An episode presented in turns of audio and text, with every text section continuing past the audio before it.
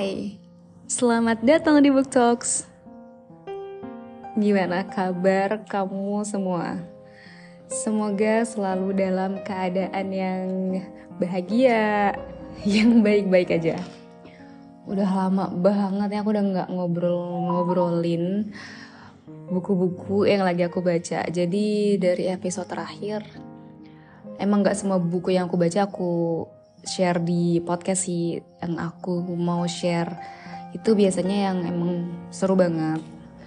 Atau yang pokoknya lang lagi pengen aku obrolin. Dan kali ini aku mau ngobrolin buku yang terbitnya udah cukup lama yaitu di tahun 1982 oleh Ahmad Tohari. Jadi buku ini aku juga baru tahu tadi ternyata udah ada filmnya di Netflix. Judulnya adalah Sang Penari. Kalau filmnya, nah judul bukunya adalah Ronggeng Dukuh Paruk. Ronggeng Dukuh Paruk itu bercerita tentang seorang wanita yang menjadi ronggeng di masa penjajahan Belanda. Jadi sebelum kemerdekaan ada sebuah desa yang bernama Dukuh Paruk. Di Dukuh Paruk ini terkenal dan sangat tersohor akan ronggengnya. Dan cerita diawali ketika Dukuh Paruk ini mengalami kekeringan yang sangat lama. Semua orang berhemat karena mereka tahu satu-satunya sumber makanan buat mereka lagi dalam tahap yang krisis nih. Mereka kan jauh dari laut, jadi uh, sumber makanan mereka itu dari pertanian gitu. Nah, di waktu itu juga mereka sudah lama tidak punya ronggeng karena kalau kita mau jadi ronggeng itu nggak sembarang uh, perempuan bisa jadi ronggeng. Ronggeng ini harus uh, kayak mendapatkan suatu ruh atau titisan dari leluhur baru bisa jadi ronggeng yang dimarwahi dan disukai sama seluruh orang. Nah, adalah seorang gadis muda yang bernama Serintil. Setelah 12 tahun tidak ada sosok ronggeng yang hadir di Duku Paruk, akhirnya Serintil ini sudah uh, terdeteksi, sudah diketahui ada jiwa ronggengnya dari dia usia dari dia usia 7 tahun. Nah, dari 7, 7 tahun ini uh, Serintil sudah bisa menari dengan luasnya gitu. Duku Paruk ini anyway dikenal sebagai desa yang terting yang tertinggal uh, mereka itu dilanda kemiskinan, kelaparan dan kebodohan. Tahun latarnya itu tahun uh, sorry banget tadi bukan ketika masa penjajahan Belanda tapi setelahnya yaitu uh, di masa 1960. Jadi itu lagi polemik banget di Indonesia. Gitu. Nah, um, Serintil ketika diketahui sudah ada sosok ronggeng dari kecil jadi dia dilatih. Dan di sini yang bikin aku shock juga sih jadi uh, untuk jadi ronggeng proses dan syaratnya itu banyak banget. Dan salah satu yang bikin aku shock adalah serintil di usia dia uh, 10 tahun. Dia udah jadi ronggeng. Kemudian ketika dia usia 12 tahun dia harus udah siap untuk naik level ya. Jadi kan dia dilatih dari tujuh tahun, kemudian 10 tahun dia udah mulai uh, meronggeng secara bisa dibilang secara komersial yang dilihat orang-orang terus orang bayar.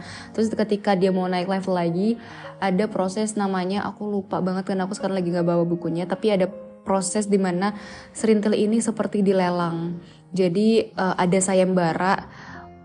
Hmm, sorry banget ini kinda uh, vulgar jadi uh, bisa dibilang kayak keperawanan si Serintil ini dijadikan sayembara siapa yang bisa menebus uh, harga paling tinggi maka dia bisa mendapatkan itu. Dan waktu itu yang diminta oleh kakeknya atau uh, ya tetuanya di situlah itu emas yang cukup tinggi dan jarang dipunyai oleh warga Duku Paruk. Sampai ini emang si kakek dan neneknya Serintil pun mata duitan ya mata duitan ya bisa dibilang. Mereka uh, membuat trik di mana warga Duku Paruk kan gak ada yang punya nih pasti. Terus uh, berita ini tersebar sampai keluar Duku Paruk. Jadi uh, sore hari ketika mau hari H itu kan kayak disebarnya itu dua mingguan. Nah pas mau lagi hari H ada yang datang bawa kerbau. Kerbau kan harganya juga tinggi dan uh, itu dibawa oleh pemuda dari desa luar yang mana kerbaunya juga punya bapaknya yang dia ambil. Jadi emang segitunya di uh, apa namanya sosok Surintil ini banyak dikagumi sama orang-orang lah gitu. Terus ada lagi yang kayak priainya datang juga membawa mm, emas tapi tidak mencapai apa yang diinginkan oleh kakeknya. Pokoknya singkat cerita di malam itu ini sedih sih. Jadi um, kakeknya itu kayak nang ngasih karena kan ada dua orang nih. Terus nggak uh, mau dong kakek dan neneknya ini melepaskan peluang yang udah datang ke rumahnya. Jadi dua-duanya tuh pengen dikip. Nah caranya mereka mereka kasih dua gelas. Mereka bilang siapa yang eh, dua gelas alkohol, siapa yang bisa menghabiskan alkoholnya tanpa mabuk, maka dia yang boleh uh, bersama serintil. Nah diminumlah si pemuda si air minum itu oleh dua eh, si alkohol itu oleh dua pemuda yang ingin mendapatkan serintil. Triknya ternyata kakek serintil ini membedakan yang satu alkohol dan satu air putih. Jadi kan otomatis yang satu tepar, yang satunya masih seger dong. Nah itu kayak di let's say jam 8-nya yang satu tepar uh, tidur. Terus yang masih seger itu akhirnya ya udah diperbolehkan kamu uh, memenangkan sayembara ini silahkan um, bersama Serintil gitu. Udah oh, oh, menit berlalu terus pemuda ini kan tepar juga akhirnya. Ya pokoknya pas uh, let's say kayak udah um, ya cukup malam yang tadinya minum alkohol bangun. Nah, emang cerdik banget sih kakek dan neneknya uh, Sritil ini. Pas si yang minum alkohol bangun, dibilang lah bahwa kamu yang memenangkan sayembara ini. Lihatlah uh, lawan kamu tidak kuat minum alkoholnya, kamu yang kuat. Nah, kemudian silakan uh, bersama Serintil gitu. Itu mungkin Serintil kan masih anak kecil ya, umur usia 12. Nah, ini juga sedih sih cuman uh, ya ini ini ini fakta bukan fakta tapi ini yang ada di cerita si du, Rogeng Duku Paro. Nah udah itu sebagai final dari Serintil menjadi uh, Ronggeng Duku Paro. Udah tuh habis itu juga oh anyway sebelum si sayembara itu dilakuin Serintil sempat datang ke Rasus Rasus itu pemuda seusia tiga tahun lebih tua dari Serintil. Jadi waktu itu usia 15 tahun. Nah Serintil itu sempat minta untuk uh, Rasus Rasus aja yang nemenin dia sebelum orang lain gitu. Oke singkat cerita Serintil melalang buana jadi ronggeng dikagumi oleh banyak orang dan di posisi itu Serintil sangat bangga karena dia merasa jadi perempuan yang mm, diberikan tanggung jawab untuk apa ya istilahnya itu meng apa bahasanya ya ya menangani laki-laki gitu. Dan dia juga uh, serintil dan rombongan sering pergi keluar juga ke daerah sebelah, ke desa seberang gitu. Sampai ketika tahun uh, lagi ada G13 PKI itu tahun berapa ya?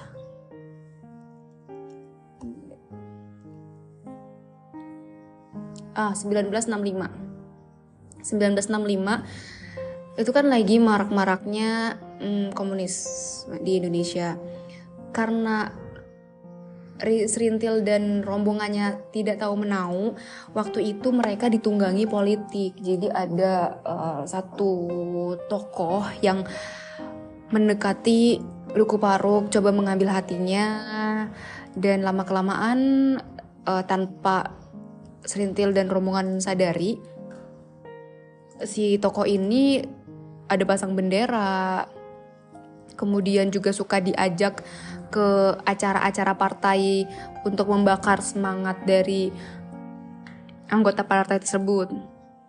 Terus uh, ya ketika uh, tahun tersebut 1965 di bulan September uh, meletuslah berita di Jakarta mengenai jenderal yang uh, di ya di peristiwa itulah otomatis kan dicari di seluruh Indonesia pelaku-pelaku dari partai tersebut sampai penyidikannya itu di sampai di Duku Paruk. Serintil dan rombongan diduga di mereka menjadi rombongan yang menyebarkan partai itu juga. Nah, mereka ditangkap di polisi, terus uh, Duku Paruk dibakar dan uh, mereka dituduh pengkhianat penabuhnya di tahan semuanya ditahan oleh tentara sampai di sini juga sebenarnya jadi titik balik serintil uh, jadi semuanya itu udah dilepasin kecuali serintil serintil pun nggak tahu kenapa dia masih ditahan sampai 2 tahun. Gitu. Sampai dipindahin ke apa namanya ke ten, apa penjara lain. Dan ini aku nggak ceritain detail keseluruhan ceritanya tapi sebelum uh, kenapa aku bilang titik balik serintil di penjara ini karena I'm so sorry to say jadi serintil juga sering digilir gitulah pokoknya. Uh, di situ dia sadar bahwa dia ingin jadi wanita seutuhnya gitu yang punya hak akan dirinya sendiri, yang punya suara untuk dirinya sendiri, yang bisa bilang enggak, yang berani untuk bilang tidak ke orang lain gitu. Nah, ketika dia keluar dari penjara ini, dia kembali ke Duku Paru dan semua orang bersuka cita. Mereka menyambut Serintil dengan bahagia karena Serintil adalah simbol uh, simbol kebahagiaan gitu dengan kembalinya Serintil, warga Duku Paru, kakek neneknya berharap Serintil mau jadi ronggeng lagi dan mereka akan uh, ya lebih ceria lagi gitu. Karena kan selama ditinggal Serintil uh, dari tragedi ditangkapnya Serintil dan rombongan terus dibakarnya Duku Paruk, mereka itu kayak hmm, mati berhenti gitu nggak ada kegiatan duku paruk yang seperti biasanya gitu tapi ekspektasi semua warga semua kakek nenek segala macam ternyata uh, tidak terwujud karena serintil yang kembali tidak seperti serintil yang sebelumnya. Serintil yang kembali sekarang lebih diam. Biasanya kan serintil kalau pakai kebaya itu uh, memperlihat uh, uh, jadi kayak sanggulnya itu dinaikkan tinggi, memperlihatkan lehernya, kemudian kainnya diikat dengan um, kuat gitu. Jadi menampilkan sosok serintil yang eksotis. Terus pas dia kembali ya uh, sanggulnya turun kemudian kebayang lebih tertutup terus uh, dia juga tidak menebar hmm Semoga suara motornya nggak masuk ya. Jadi serintil juga nggak menyebar kayak kegenitan gitu. Ketika uh, mereka datang ke si serintil datang ke pasar pun dia lebih diam. Orang-orang juga jadi heran dan jadi segen akan perubahan serintil. Sebentar aku haus banget.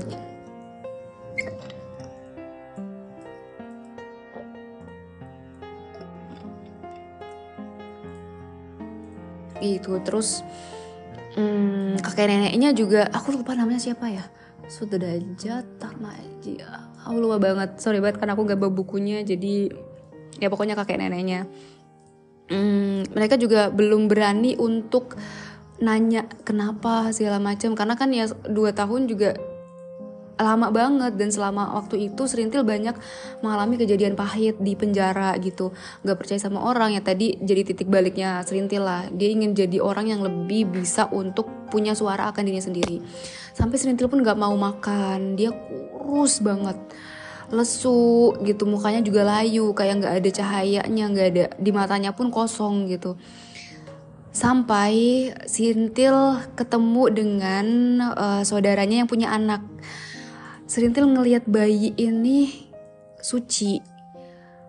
Serintil ngelihat bayi ini belum terpapar egoisme manusia, belum eh masih suci lah dan di situ Serintil kayak mendapatkan kehidupannya lagi.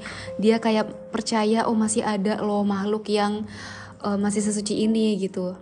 Diambillah bayi ini dari saudaranya, terus dia bilang sama saudaranya, e, boleh nggak ini bayi sama aku aja karena aku aku bisa. Jadi kan serintil kaya kan.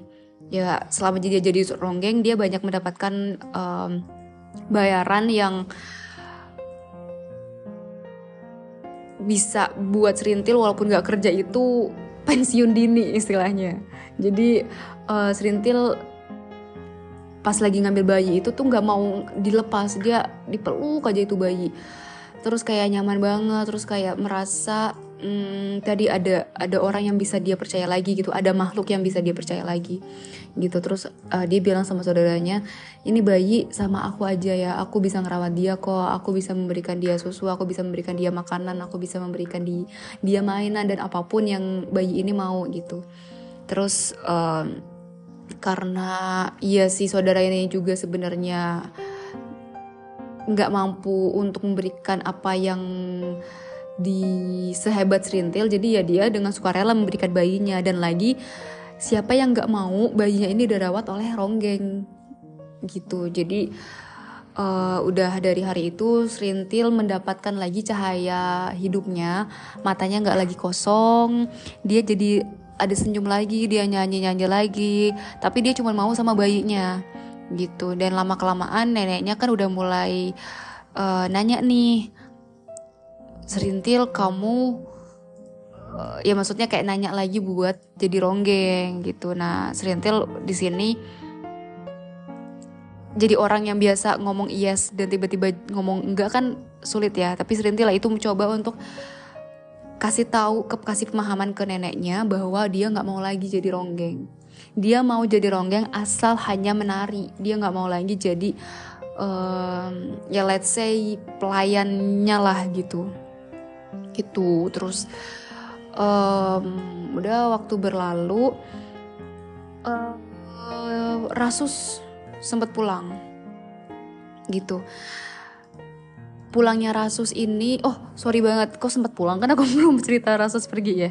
Jadi pokoknya dari yang kecil serintil di usia belasan tahun itu serintil kan suka nih sama Rasus dari kecil dan Sritil juga pernah bilang aku mau nggak jadi ronggeng asal sama kamu gitu.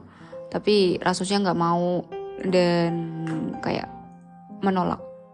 Jadi bertepuk sebelah tangan serintilnya dari kecil sedih banget. Terus pas si Rasusnya balik lagi ke kampungnya ternyata Rasusnya jadi tentara. Nah warga kan takut kan karena pada masa itu tentara ya ditakuti oleh warga apalagi mereka habis de uh, dapat tragedi di bulan September itu. Gitu ya September Oktober lah tahun 1965 terus kepulangannya Rasus menambah lagi gairah hidupnya selintil gitu terus uh, dia kan sebenarnya pas Rasus mau pulang itu dia mau ada tamu dari Jakarta nih. Anyway di Duku Paruk kalau orang ngomong Jakarta itu kayak wah banget gitu. Jadi uh, pas uh, si Serintil lagi ke pasar dia lagi beli apel dan pepaya itu sebenarnya untuk orang Jakarta. Tapi pas dia dengar bahwa Rasus pulang dia langsung mengubah haluan. Jadi apel dan pepayanya itu dia suguhi dia datang ke rumahnya Rasus untuk enggak enggak datang dia titipi buahnya itu untuk Rasus. Gitu. Terus kan uh, kakeknya yang datang ke rumahnya Rasus ngasih buah gitu. Ini titipan dari Serintil terus Rasus bilang saya dengar akan ada orang Jakarta yang mau mampir ke rumah yang akan datang ke rumah Serintil bukankah ini buah apel dan pepaya untuk mereka? Gitu. Terus kakeknya ngejelasin lah bahwa harapan Serintil buat Rasus itu masih gede banget. Dan Serintil eh, kakeknya tuh bilang peristrilah serintil gitu. Dari dulu kamu dan serintil itu sudah ditakdirkan bersama. Gitu. Terus Rasus Rasus kan emang selalu denying kan. Dan dia menganggap serintil itu bukan sebagai perempuan yang mm, dia cintai karena dari kecil Rasus ini kan ditinggal sama orang tuanya dia yatim piatu dari bayi jadi dia melihat Serintil itu sebagai sosok ibunya. Jadi makanya dia nggak bisa ngelihat Serintil ini sebagai sosok wanita yang uh, dia bisa peristri gitu. Gitu. Pokoknya Rasus menolak dengan halus. Pokoknya terima kasih banyak. Salam terus bla bla bla. Gitu. Nah, pokoknya singkat cerita orang Jakarta ini uh, bertamu ke rumahnya Serintil. Ini nggak terlalu penting sih tapi let me explain. Jadi ini lebih memperkuat lagi posisi Serintil yang sudah mau jadi wanita seutuhnya. Jadi intinya si dua orang Jakarta ini lagi mau coba-coba untuk um, mendapatkan pelayanan ronggeng gitu kan. Terus neneknya kan ngepush banget lah Serintil untuk menemui gitu di luar dugaan ternyata Serintil mau berdandan kayak yang dia um, ketika ronggeng dia mau pakai emasnya dia sanggul rambutnya yang tinggi gitu.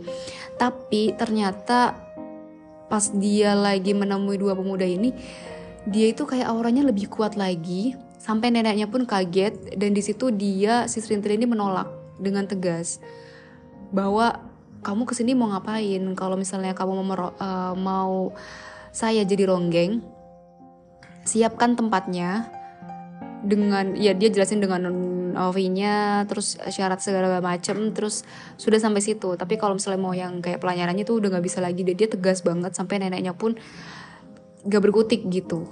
Gitu. Terus ya udah mereka pulang dan hmm, hari berganti Rasus udah bal enggak enggak Rasus masih di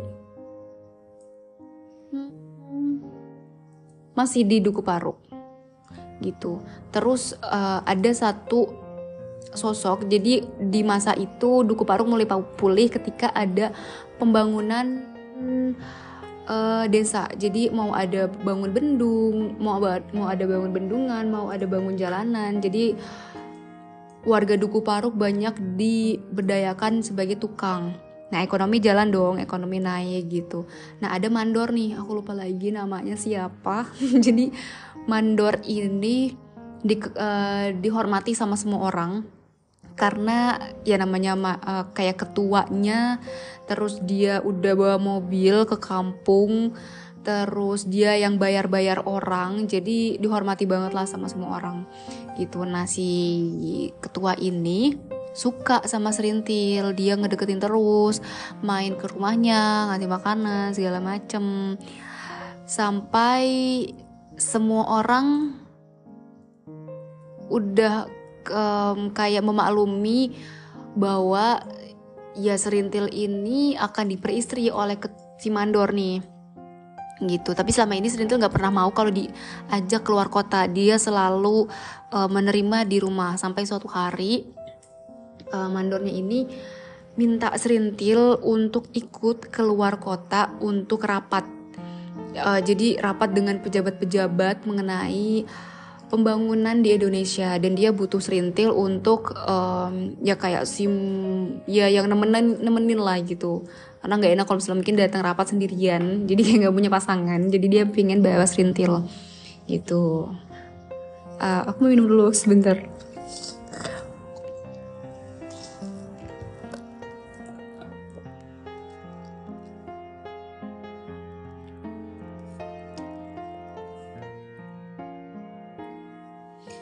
terus mau lah tuh serintil karena dia penasaran kan sama uh, dunia luar. Dan jadi serintil itu udah semakin jadi perempuan uh, bukan perempuan jadi wanita yang tegas yang mandiri yang dihormati sama lebih dihormati lagi sama semua orang dan gak ada yang macem-macem gitu. Apalagi udah ada si uh, sosok mandor ini kayak yang gak ada yang berani macem-macem lah gitu. Serintil udah yakin banget dan siap jadi seorang istri. Karena tujuannya dia tuh itu dia tuh pengen banget jadi perempuan yang ya jadi istri wanita seutuhnya gitu. Terus um, dan dia pengen belajar banyak lah. Pas diceritain sama Mandor bahwa nanti dia keluar segala macam bisa ketemu banyak orang dia mau. Nah pas dateng di luar kota itu Serintil ditinggal di villa yang mana tempatnya terpisah dari ruang rapat dari um, tempat rapatnya Mandor. Uh, serintil kayak di mereka datang siang terus uh, si mandornya pergi rapat. Serintil selama di villanya ini seneng banget. Dia uh, udah kayak ngebayangin mau jadi istrinya mandor terus kayak um, udah mulai percaya lah dengan udah udah menarik naruh kepercayaan sama si mandor. Karena serintil kan selama dari kecil banget sampai uh, let's say usia oh waktu itu dia udah usia 25 tahun. Dari kecil sampai 25 tahun dia udah banyak banget berurusan sama laki-laki dari berbagai macam jenis laki-laki. Dan susah untuk serintil percaya sama orang. Apalagi kakek neneknya pun kayak gitu. Jadi bener-bener nggak ada di, di dunia masa itu. Satupun orang yang bisa dia percaya sekalipun itu rasus orang yang dia sukai. Dia hanya percaya sama si bayi itu. Gitu. Terus dia udah mulai naruh kepercayaan nih sama Rasus. Dia udah mau diajak uh, keluar. Jadi sebelum dia ke villa dia pernah keluar ke pantai sama ajak bayinya. Terus di situ dia foto bareng. Terus kayak Serintel udah ngebayangin jadi keluarga bahagia. Jadi punya keluarga bahagia. Nah balik lagi ke villa jadi pas di villa dia sampai dia bersih bersih villanya. Padahal nggak perlu ya kan ada ada yang ngebersihin gitu. Tapi kayak Sritil nggak betah aja orangnya diem. Jadi dia nyapu segala macam dia beres-beres. Sampai udah um, sore gitu. Mau malam senja lah. Maghrib maghrib. Rasus eh siapa sih mandornya tuh pulang. Datang ke villa. Inget serintil belum makan. Nah di situ si mandor pesen nasi goreng nasi goreng abang-abang lewat mama mamang terus uh, dipesenin nasi mandor bilang lagi uh, maaf ya aku harus balik lagi ke rapatnya karena belum selesai. Nanti malam kalau udah selesai aku langsung pulang. Aku nggak akan ikut uh, after after meeting itu kan bisa ada party gitu kan. Jadi dia nggak dia janji nggak ikut partinya tapi langsung pulang gitu. Serintil di situ makin percaya Serintil uh, berpikir sesibuk-sibuknya mandor dia sempet pulang untuk uh, kas apa namanya ya kasih makan Serintil masih masih inget gitu. Padahal dia pasti lagi sibuk banget gitu Serintil tambah percaya lagi. Dan ternyata ini yang sedih banget dan kayak sedih banget sih. Jadi pas um, udah malam ya sedih banget lagi mandornya kan pulang tuh. Pas dia pulang oh aku lupa poin pentingnya juga. Jadi mandornya ini uh, sebelum mereka berangkat itu kayak bilang sama Serintil saya ada orang yang pengen saya deketin karena dia pegang project besar di Indonesia. Orang ini kuncinya lah. Gitu. Let's say bapak A. Nah bapak A ini mau dikenalin ke Serintil emang si Mandor tuh bilang nanti nanti aku kenalin ya ke Mandor eh, ke Bapak A ini. Gitu. Terus eh, malam hari tiba pas uh, Serintil kan nungguin di ruang tamu kan. Pas dia udah denger langkah si Mandor ini pulang Serintil kaget karena bawa Bapak A terus kayak oh iya kan mau dikenalin gitu. Terus pas oh ya silakan masuk terus udah duduk tuh di ruang tamu. Pas duduk um, serintil punya firasat nggak enak. Tiba-tiba mandornya ninggalin. Si mandor ninggalin serintil sendirian berdua sama bapak A. Terus dia pergi. Dan pas udah uh, cukup lama si mandor ini curiga kok kayak nggak ada apa-apa gitu akhirnya dia uh, masuk lagi dan bapak A ngomong Iya, dia sangat cantik seperti foto yang kamu kasih. Tapi aku nggak tega untuk pakai dia, walaupun aku udah sering pakai perempuan. Tapi dia bukan uh, dia bukan wanita yang dia bukan wanita yang aku sampai aku tega untuk pakai dia lagi karena uh, dari matanya itu terpancar harapan yang besar untuk jadi seorang wanita untuk jadi istri istri seseorang gitu. Jadi uh, aku nggak sampai hati untuk make serintil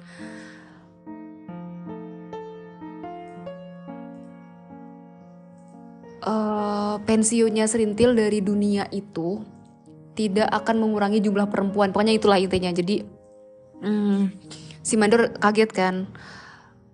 Tapi pak, proyeknya gitu. Nah jadi emang si mandor ini gak deketin si Serintil untuk ngasih umpan ke bapak A biar dapat proyek. Gitu. Dan si bapak ini bilang tenang aja, pokoknya proyeknya tetap, pokoknya dia tetap dapat proyek lah, gitu. Terus uh, si bapak sebelum pergi bilang gini, ini kasih uang dia kayak kasih uang segepok gitu buat serintil sebagai um, apa ya kayak ya pokoknya ngasih aja aku lupa sebagai apa udah tuh Nah si mandor tuh nyari-nyari mana serintil, mana serintil gitu kan.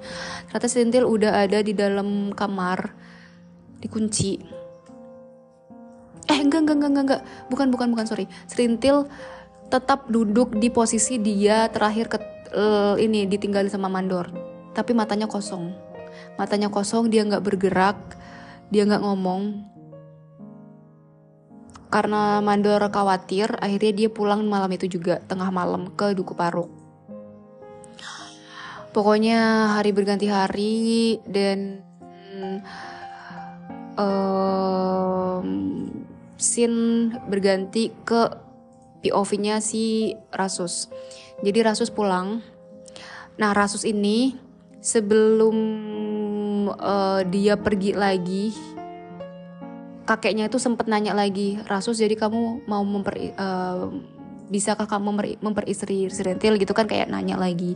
Kata kata Rasus gini, aku uh, gak bisa memperistri Sirentil untuk saat ini karena maksud dia masih banyak tugas lah di pergi-pergi di seluruh Indonesia gitu.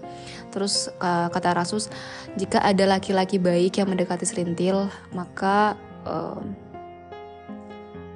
restuilah. Tapi jika laki-laki itu buruk, maka bilang ke laki-laki itu bahwa Serintil sudah punya saya gitu. Nah itu sorry ini agak mundur. Jadi itu yang bikin salah satu alasan Serintil untuk memperbolehkan Mandor datang ke kehidupannya dia karena dia diceritain sama kakeknya bahwa kalau ada laki-laki baik ya udah gitu terima aja Nah kan si Mandor pas dari awal-awal kan baik banget kan gitu terus pas Rasus balik dia kan nyari-nyari Serintil di mana nih gitu.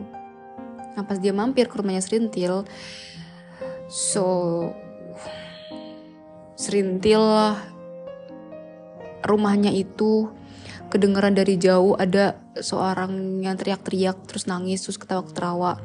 Dan ternyata pas Rasus datang ke rumahnya itu adalah Serintil sejak Mandor bawa pulang Serintil ke rumahnya dari malam ya peristiwa itu Serintil matanya kosong dan dia jadi gila. Dia sering ketawa-ketawa dia sering nangis sendiri, teriak-teriak, terus sering joget-joget sendiri gitu. Semua orang mengira Serintil jadi kayak gitu karena ditolak jadi istri oleh Mandor. Padahal kenyataannya ya kita semua tahu bahwa tadi harapan Serintil kan udah gede banget untuk jadi perempuan. Dia udah sulit banget percaya sama orang. Dan dia udah bertahan dan udah udah bisa bilang enggak gitu ke orang. Udah tegas. Dari susahnya percaya sama orang sampai akhirnya dia percaya dan dia kasih percaya itu sama Mandor tapi di malam itu serintil di luar nalarnya dia dia sampai nggak bisa menerima itu di otaknya dia, dia sampai dia gila gitu dan Rasus kaget dia ketika tahu ceritanya dia langsung mau cari si Mandor. Semarah itu Rasus. Terus karena dia nggak sanggup, dia langsung pulang ke rumahnya dia. Di sendirian. Terus uh, dia sholat. Anyway, sorry banget dari tadi ke skip itu duku paruk itu belum terjamah agama. Tapi Rasus sudah tahu um, bukan tahu maksudnya kayak Rasus um, ketika dia keluar dari Duku Paruk ya dia sudah um, memeluk Islam dan di situ dia sholat terus kayak uh, dia duduk di luar. Dia biasanya nggak suka banget sama bulan purnama. Tapi malam itu malam itu ketika dia lagi duduk di luar rumahnya dia dia ngelihat uh, bulan purnama dia sadar bahwa sebenarnya alam itu sama semua orang udah ngasih pertanda untuk Rasus menjaga Serintil dititip Serintil ini sebenarnya tanggung jawabnya Rasus gitu. Tapi kenapa selama ini dia selalu nggak mau uh, menerima kenyataan itu gitu? Kenapa dia selalu meninggikan egonya dia? Terus ya pokoknya malam itu dia tidur. Nah esokan harinya pagi-pagi buta dia datang ke rumahnya Serintil dia minta kakek neneknya saudaranya Serintil untuk memandikan Serintil karena dia akan bawa Serintil ke rumah sakit. Serintil dimandikan. Ketika dia melihat Rasus uh, ya Serintilnya teriak-teriak kamu mau memberi istri aku ya? Terus kayak ketawa-ketawa terus nangis terus uh, karena serintilnya juga memberontak dia kayak mau lari dia nendang sana nendang sini. Rasus ikut memandiin nah ketika dimandikan si Rasus serintil ini tenang gitu. Untuk pertama kalinya selesai mandi pakai baju rapi uh, mereka berangkat ke cuman berdua. Jadi Rasul sama Serintil aja berangkat ke rumah sakit. Rasul sempat khawatir Serintil akan memberontak lagi di jalan tapi ternyata nggak Serintil sangat tenang. Ketika di meja registrasi ditanya dong sama susternya Serintil uh, Rasus ini sebagai apanya Serintil? Bapak sebagai suaminya? Terus bukan Bapak sebagai saudaranya bukan Bapak sebagai um, apa namanya? Iya, pokoknya ditanya lah hubungannya gitu. Terus pas ditanya, oh bapak sebagai calon suaminya ya, terus terus dia lama. Dia mau ngomong-ngomong bukan lagi, tapi akhirnya dia ngomong iya. Di situ untuk pertama kalinya juga Rasus ngerasa plong banget, lega banget dan ya dia ngebatin sendiri. Kenapa selama ini sangat sulit untuk dia ngomong iya? Kenapa egonya sangat tinggi? Kenapa ketik ya dia sadar ketika serintil udah dalam posisi kayak gitu gitu. Terus uh, pokoknya susternya bilang oh pasti ini uh, ibu sangat cantik ya dulu mudanya gitu. Pokoknya ya di situ udah sih end. Ceritanya berakhir di situ. Kayak kita nggak tahu apakah serintil jadi kembali waras lagi? Atau enggak? Tapi di end itu si Rasu sudah berkomitmen bahwa dia akan memberi istri serintil cerita selesai. Sedih dan ya agak plot twist. Terus awalnya aku sempet bosan karena buku yang aku baca itu tiga buku dijadikan satu. Ahmad Tohari uh, buat duku Ronggeng Duku Paruk jadi tiga buku tapi di buku yang aku baca uh, jadi satu warna kuning. Itu jadi lama banget tiga buku gitu. Jadi kayak di pertengahan aku bosen. Kayak ceritanya tuh bolak-balik bolak-balik gitu. Nah rata-rata ya tadi yang aku ceritain itu uh, milestone-nya lah. Big line-nya gitu. Semoga menghibur. Sampai jumpa di episode selanjutnya